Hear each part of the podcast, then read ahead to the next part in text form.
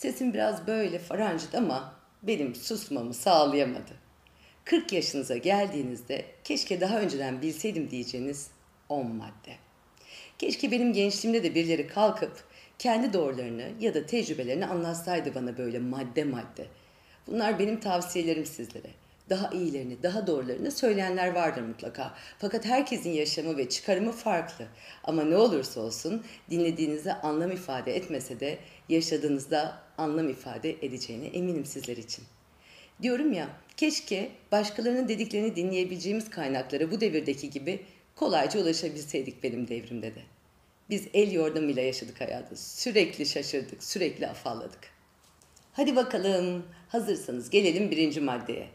Sakın ha sakın küçük şeyler hakkında endişelenmeyin. Sıradaki Teşekkürün Bana Yanlış Yapanları adlı ilk kitabımda bir deneme yazım vardı. Küçük şeyler başlığı altında. Bir bölümü şöyleydi.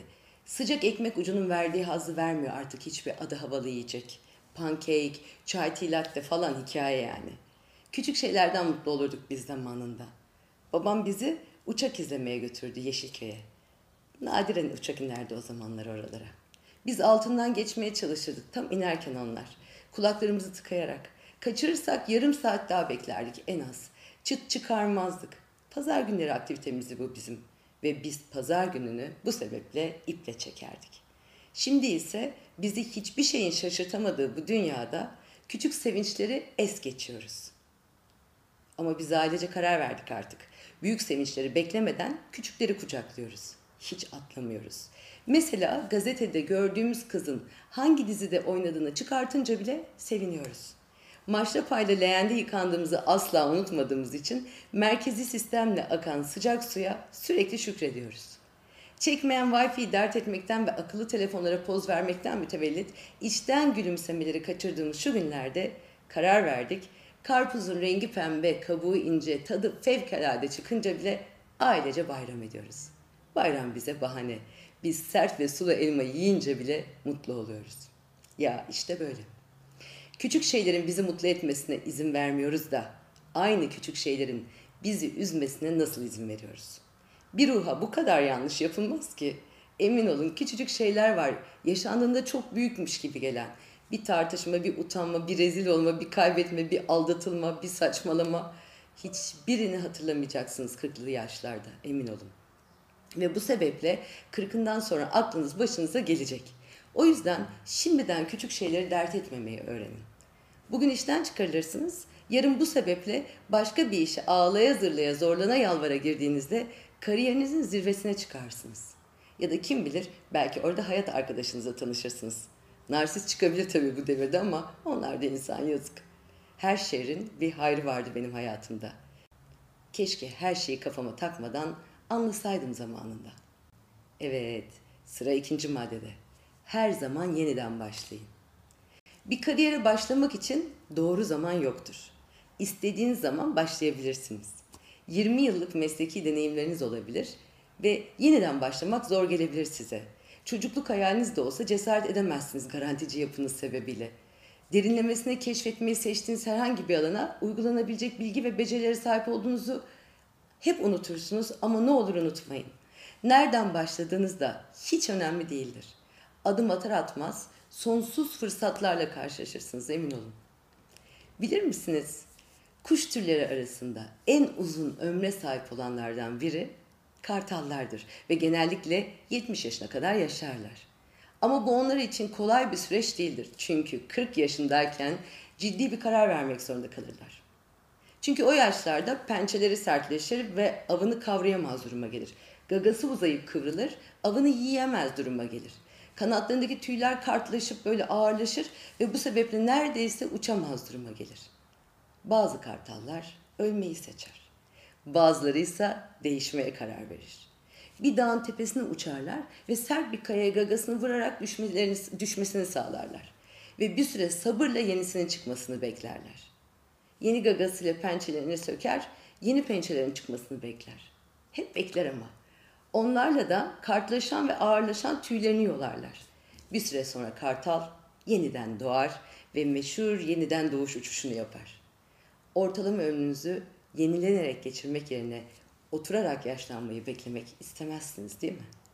Evet, sıra üçüncü maddede. Başkalarının hedeflerine ulaşmasına yardımcı olun. Hayat alışveriştir. Başkalarının hedeflerine ulaşmasına yardımcı olmadıkça siz de hedeflerinize ulaşamazsınız söyleyeyim. Diğer insanları başarılı kılmak için zaman ayırın. Örneğin onlara tecrübelerinize yol gösterin, potansiyel engellere karşı uyarın veya onlar için işler zorlaştığında onları teşvik edin. Mutluluğun, bunu öğrendim bu yaşımda, mutluluğun mutlu etmekle ilişkisi var. Mutlu olmayı beklerseniz olamıyorsunuz. Ama birini mutlu etmek her zaman size dönüyor. Sadece birini mutlu ettiğiniz için bile olabiliyorsunuz. Her zaman size ihtiyacı olan birileri var çünkü. Nankörlükle de karşılaşsanız iyi niyetli, vicdanlı, merhametli biri olduğunuzu bilmek bile sizi daha huzurlu ve mutlu biri yapar. Olduğun kişiyi sevebilmek ise bu yaşlara geldiğinizde yani 40'lı yaşlara en büyük mutluluk oluyor. Sizi temin ediyorum. Gelelim dördüncü maddeye. Sadece size iyi gelen kişilerle zaman geçirin. Hayat, umursamadığımız insanlarla birlikte olmak zorunluluğunu hissetmek için çok kısa geliyor bana. Kendinizi incelikle mazur göstermeyi ve hayır demeyi öğrenin lütfen. Ama incelikle. Hayatınız boyunca arkadaşlar gelip geçecek. Yıllarca tanıdığınız insanlar bile yaşadığınız ufak bir değişim sebebiyle geri çekilme eğiliminde olacaklar. Evlenmek, boşanmak, taşınmak, iş değiştirmek, terfi etmek, iflas etmek vesaire. Her değişim veya gelişim birilerinin gidişi demek olsa da kalanların da yerinin sağlamlığını ispatlar size. Ve bu değişimlerden geçmeden yanınızdakileri sınamanız da asla mümkün değildir. Hem iyi günde hem de kötü günde yanınızda olanları farklı yerde tutun. Çünkü bazı kötü gün dostları iyi gününüzde ortadan yok olurlar. Çünkü bazı insanlar gerçekten mutsuzluktan beslenirler ve sizin kötü gününüz onların şükrü olabilir. Bazıları da sadece siz iyi durumdayken çevrenize dolanırlar. Ah şu asalak ruhlular ama maddi ya da manevi bir gücünüzü kaybettiğinizde ortadan kaybolurlar. Bunlar hep sessizce olur. Böyle kavgalı gürültülü değil. Kırklı yaşlarınıza gelip de çevrenizde kalanlara şöyle bir baktığınızda keşke zamanında onlara daha fazla vakit ayırsaydım demek istemezsiniz değil mi? Beşinci maddeme geliyorum. Yazmak şifadır. Yazın. Nokta. Anlatmaya çalışıp anlatamadığınız çok şey olacak bu hayatta ve karşınızdakini anlatmaya çabalarken geçecek tüm zamanınız. Yazarak anlatmaya çalışın. Bunu yazdığım için söylemiyorum inanın. Birçok psikolojik tanı koyulmuş hastaya uzman tavsiyesi yazmak aynı zamanda. Çünkü kişiyi rahatlatır anlatamadıklarını anlattırır ve en önemlisi kendisiyle tanıştırır ve kendisiyle arkadaşlık kurmasını sağlar. Ve bu özellikle 40'lı yaşlarda insanın çok işine yarar. Kimse kalmadığında çevresinde kalemi vardır çünkü elinde. Hatta çok kalabalık olsa da çevresi anlatmak için hiç hırpalamaz kendini. Evde kendisini anlatabilir çünkü istediğinde her şeyi. Altıncı maddeye geldik bile. O sihirli kelimeyi bol bol kullanın. Teşekkür etmek. Teşekkür etmek çok güzeldir. Size ve size yapılan iyiliklere minnet duymak ve göstermek güzeldir.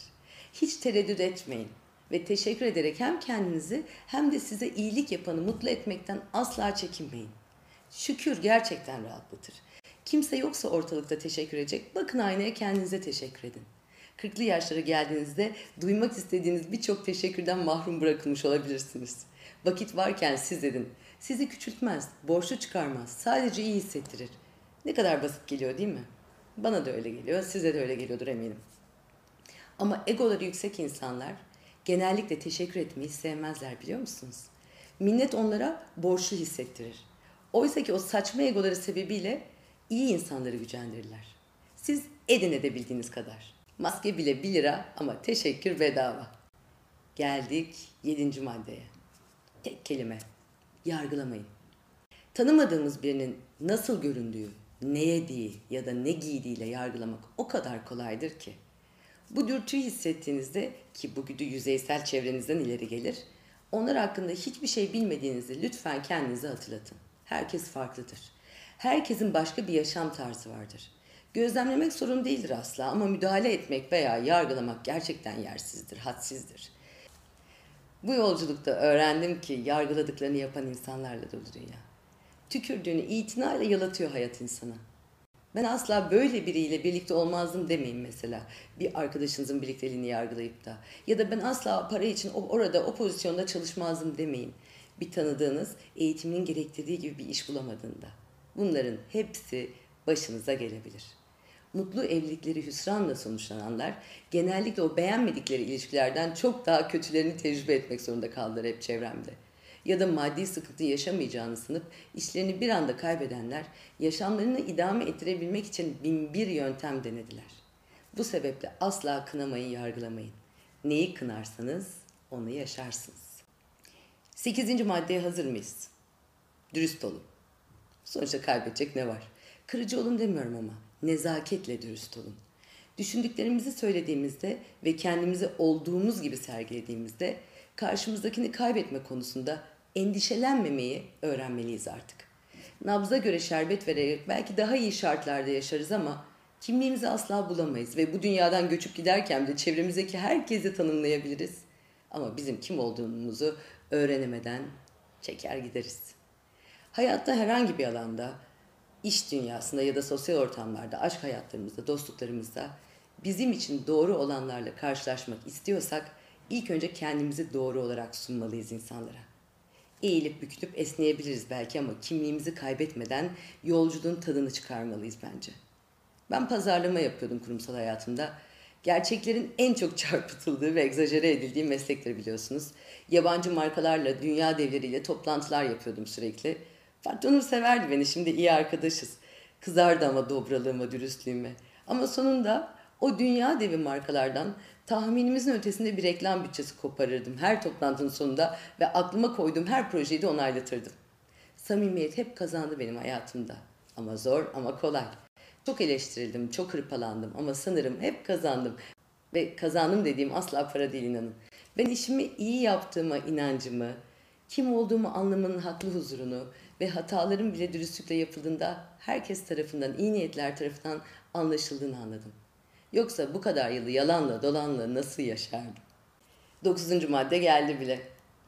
Yeni bir şey öğrenmek için hiçbir zaman geç olmadığını asla unutmayın. Çok önemli bir madde bu. Kendi deneyimlerimden yeni bir şeyler öğrenmenin çok kolay ve çok zevkli olduğunu biliyorum. Hatırı sayılır bir kurumsal iletişim kariyerinden sonra 38 yaşında sadece 20'li yaşlardakilerin böyle bloggerları soyunduğu bir ortamda tesadüf eseri sosyal medya fenomeni oldum. Ama 42 yaşında da yazar dendi bana. 9 yaşından beri hayalimdi aslında. Ama bu kurtlar sofrasında ekmek peşinde koşan ve genç yaştaki evliliğinin daha ilk yılında Eşi kanser olunca maddi yükleri kat, kat be kat artan bir kadın olarak yazmak sadece vakitle ayıramadığım bir hobi haline gelmişti. Yazmaktan para kazanmayı ise hiç hayal etmediğimden kurumsalda garantili bir maaşla eğitimimin getirdiklerini böyle ifa ettim durdum. 40'lı yaşlarda yazarlık kariyerlerini bitiren, bıkan onlarca kişi tanıyorum şimdi. Daha onlar olgunlaşamadan kalemlerine küsen insanlar var bizim çevremizde şu anda. Satmayan kitaplar, ilgi görmeyen konular, kendilerini aşma çabaları ve vesaire geçen her şeyden de vazgeçen bir dolu yazar tanıdım bu yolculukta. Oysa ki ben 42 yaşımda ilk yayın evi tecrübemde atarlı bir editörün karşısına oturmuştum ve bilmem neden fütursuzca azarlanıyordum. Onlarca yüzlerce kişilik ekipler yönetip yabancı markalarla çalışıp projeleriyle dünya çapında ödüller almış bir kadın sosyal medyada hasbel kader yemekleriyle maskeleriyle isim yapınca ve kendisine bir yayın evinden teklif gelince baş editör tabii ki çok da kale almadı beni. İmlam için, oku oku bitmek bilmeyen cümlelerim için, devrik cümlelerim için, kitabımın adı uzun olduğu için, evde kendi çekmemi söyledikleri kapak fotoğraflarımı beğenmedikleri için azarlanıp durdum. Stajyer gibiydim ama o dünyada. Ama başlamanın ve sabretmenin kadrini bilen bir stajyer. Bu fırsatı bana ne be ver yazarımı eve gidiyorum diyerek tepemezdim. İncinen egoma şşt ses çıkarma dedim. Çocukluk hayalimde bu. Bir atarlı editör sebebiyle vazgeçemezdim hayalimden. İlk baskı 2000 adetti hiç unutmuyorum. Ne zaman gelir yeni baskı talebi diye merak ettim sordum. O editör ilk defa gülümsedi bana ve dedi ki 2000 adet satsın da düşünürüz. Hiç gelmeyebilir. Bunlar, bunlar bile tükenmeyebilir. Bana aracı olan çok sevdikleri yazarı kıramadıkları için orada olduğum belliydi. Adını vermeyeceğim o yazarın. Çünkü ben ona saygıda kusur etmediğim halde, her daim minnet duyduğum halde, onu çok sevdiğim halde sanırım bana yaptığı aracılık beklediğinden fazla olunca yenildi insanlığın ilkel güdülerine ve hiçbir açıklama yapmadan beni hayatından çıkardı. İşte böyle çıkıyor bu yaşta insanlar hayatınızdan. Yine de borçluyum ömür boyu ona. Ve keşke beni her hayatından çıkaran benim hayalimi gerçekleştirip de çıkmış olsa. Neyse ben ilk kitabım bir adet bile basılsa bandrollü kitabımı evimde en güzel köşeye gurur sebebim olarak yerleştirecektim. Belki böyle ışıklı çerçevelerle falan gelene gidene gösterecektim. Hatta istemedikleri halde zorla her gelene imzalı kitabımı hediye edecektim. Her şeyi böyle planlamıştım. Hayalim hatırına fazla ses çıkaramazdım o tatlı cadıya. Haddimi bilirdim. Benim tek derdim hayalimi gerçekleştirmekti. Satış vesaire hiçbir şey düşünmedim.